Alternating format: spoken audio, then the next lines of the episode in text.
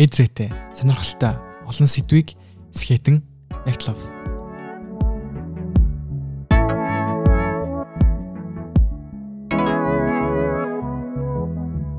Бүгд найрамдах хятад улсын Бээжин хотноо зохион байгуулагдаж буй өвлийн олимп нээлттэй хэлээ.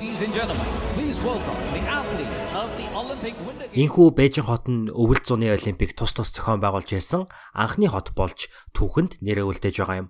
Мөн мэдээж сар дахлын үед зохион байгуулагдаж буй хоёр дахь олимпийн наадам гэдгээрээ онцлогтой. Тэгвэл дэлхийн түүхэнд хятад болон олон улсын олимпийн хороо нэрээ үлдээж байгаа бас нэг үйл явдал бол бүгд найрамдах хятад улсын хүний эрхийн зөрчлийн асуудал юм.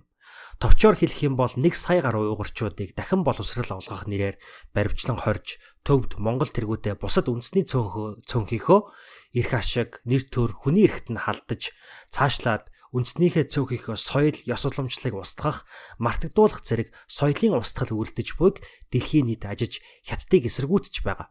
Үүний улмаас Бээжингийн Олимпийг эсэргүүцэж дипломат бойкот хийх буюу өөрсдийн албан ёсны төлөөллөө илгээгээгүй улс орнууд бол Дайн, Шинэ Зеланд, Америк нэгдсэн улс. The Biden administration will not send any diplomatic or official representation to the Beijing 2022 Winter Olympics.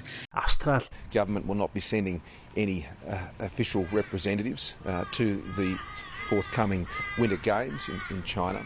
Канад We are extremely concerned by the repeated human rights violations by the Chinese government. That is why uh, we are announcing today that we will not be sending any diplomatic representation to the Beijing Olympic Paralympic Games. та бүхэн хэрвээ нийгмийн сүлжээгээр ажигласан бол Хятад улс руу Олимпийн наадмын үеэр айлчилж буй дэлхийн улс орны удирдагч нар нь түлхүү хүний эрхийн мэдрэмжээрээ үлгэрлэгч биш улс орнуудын төлөөлөл байсныг харсан баг. Ташрамд нэрээ сонирдуулахад Монгол улсын ерөнхий сайд оюун эрдэн энэ өдрүүдэд Бээжин хотноо айлчилж байгаа нь түүний бүрэн эрхийнхээ хугацаанд үдэж буй хоёр дахь олимп юм. Хүн төрөлхтний эсрэг гэмт хэрэг үлдэж буй засгийн газрын зохион байгуулж буй Олимпийн наадмыг дэлхийн хүний эрхийн төлөөлөх байгууллагууд хамтран геноцид наадам буюу хядлагын хомрлон устгалтын наадам хэмээн нэрлэж байна. Учир нь орчин үеийн түүхэнд альва үндэстэн ясныг өөрсдийн гарал угсаа хэв шинжээс нь болж ялгарлан гадуурхаж арга хэмжээ авч буй үзэгдэл хятад улсад л гарч байна. Тэгвэл олон улсын олимпийн хороо үн дээр ямар байр суурьтай байгаа вэ? Тэдний байр суурь бол олимпийн хорооны ажил олимпийн наадмыг зохион байгуулах. Тэдний ажил ямар нэг улс орны засаглалыг өөрчлөх биш юм гэдэг байр суурин дээр бат зогсож байгаа.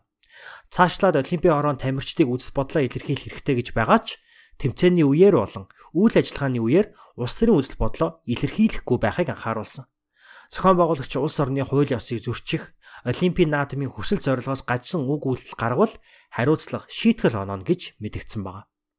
Өөрөөр хэлбэл Олимп гэдэг бол дэлхийн инх тайван, игэн найрамдлын бэлэг тэмдэг илэрхийлэл гэдэг иймд инх тайван байж зөрчилдөхгүй байцгаая гэдгийг уриалгыг гаргаад байгаа юм а гэж хэлж болохоор байна. Шинжаан уугарын өөртөө засах орн нь дэлхийн нийт дэлхийн нийт даавны үйлдвэрийн 5.1-ийг бүрдүүлэх буюу танд надад байгаа даавн цамцны материал нь Шинжаанд уугарчуудын гараар бүтсэн байх магадлал маш өндөр гэсэн үг. Гэхдээ зүгээр нэг үйлдвэрийн ажилчны гараар биш бүгд найрамдах хатар улсын засгийн газрын тогтоол шийдвэрээр хэл сэрэх дундаж, яллагдаж, шоронд хоригдож, тэндээ хүчээр хөдөлмөр эрхэлж, амьдрч аж төрөхөд ямар ч таатай бос орчинд байгаа уугар эрэгтэй, эмэгтэй, хөгшин залуу хүүхдийн гараар бүтсэн гэсэн үг. Тэгвэл Олимпийн олон улсын олимпийн хороо энд хяналт тавьж, олимпийн үеэр хэрэглэгдэж, худалдаалагдж буй албан ёсны хувцас хэрэгсэл нь уугарчуудын хүний эрхэн зөрчигдөж, хүчээр хөдөлмөр эрхэлж бүтсэн бүтээгдэхүүн биш эсхийг хянахгүй, хянахыг ч хүсээгүй. Жишээнд гэхэд Anta Sports гэдэг компани Олимпийн наадмын албан ёсны хангагч байгуулагч болж ажиллаж байгаа бөгөөд сүүлийн жилүүдэд Шинжаанаас даваа авч хэрэглэх хэрэглээгээ хэд дахин нэмээд байгаа компани юм. Ийм компаниас Олимпийн хороо албан ёсны спортын өмсгөл дөрөв хувцсыг худалдан авч хятадыг дэмжиж байна. Олимпийн наадам бол хятад улсын үйлдэж буй 21-р зууны маш том олон улсын пропаганда. Жишээ нь Олимпийн наадмын нээлтийн үеэр Олимпийн бамрыг асаасан хоёр тамирчин нэг нь уугар хүн байсан бөгөөд олон улсын олимпийн хороо үнийг сайхан сонголт гэж тодорхойлсон. Гэвч энэ бол хятад улсын дэлхийг угааж буй тарих угаалт юм. Уугар эмгтээчүүдийн нөхөн үржихийг хааж хүүхэд төрүүлэх уруу төмөө улдах боломжгүй болгож хэдэн зуун мянган хүмүүсийг хүчээр хөдөлмөр эрхлүүлж хянаж сагдаж байгаагаа нуух хөнгөлөн далдлах оролдлого юм. Сырт мышта аяллары тугмас кыбатты. Biz кандай көпеймиз, кандай жыкыймыз. Biz куруп кетиш, несли куруп кетиш кырдабыга берип калдык biz азыр. Та дөнгөж сая Давуудын Зумрат гэдэг уугар эмхтэн яриаг сонслоо.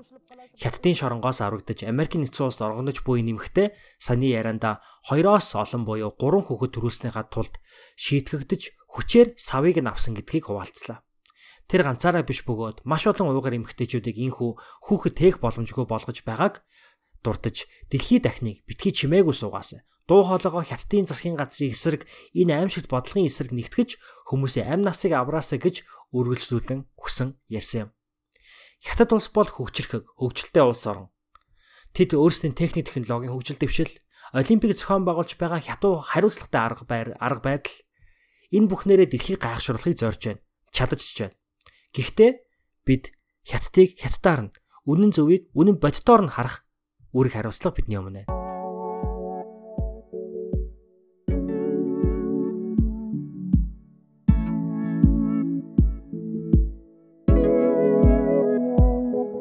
Энэ хүрээд Sketi Media-гийн бэлтгэн хүргэдэг Нягтлуу подкастын энэ удаагийн дугаар өндөрлөж байна. Энэхүү дугаараараа мөн бид Нягтлуу подкастынхаа 2 дугаар улирлыг өндөрлүүлж байгаа юм. 3 дугаар улиралдаа Нягтлуу подкаст нэгэн цоошин хэм маягтайгаар та бүхэнтэйгээ иргэн уулзсан гэдгийг дуулгахад таатай байна. Тантай хамт Нягтлуу подкастын хамтран хөтлөгч Бэлгүн байлаа. Thank you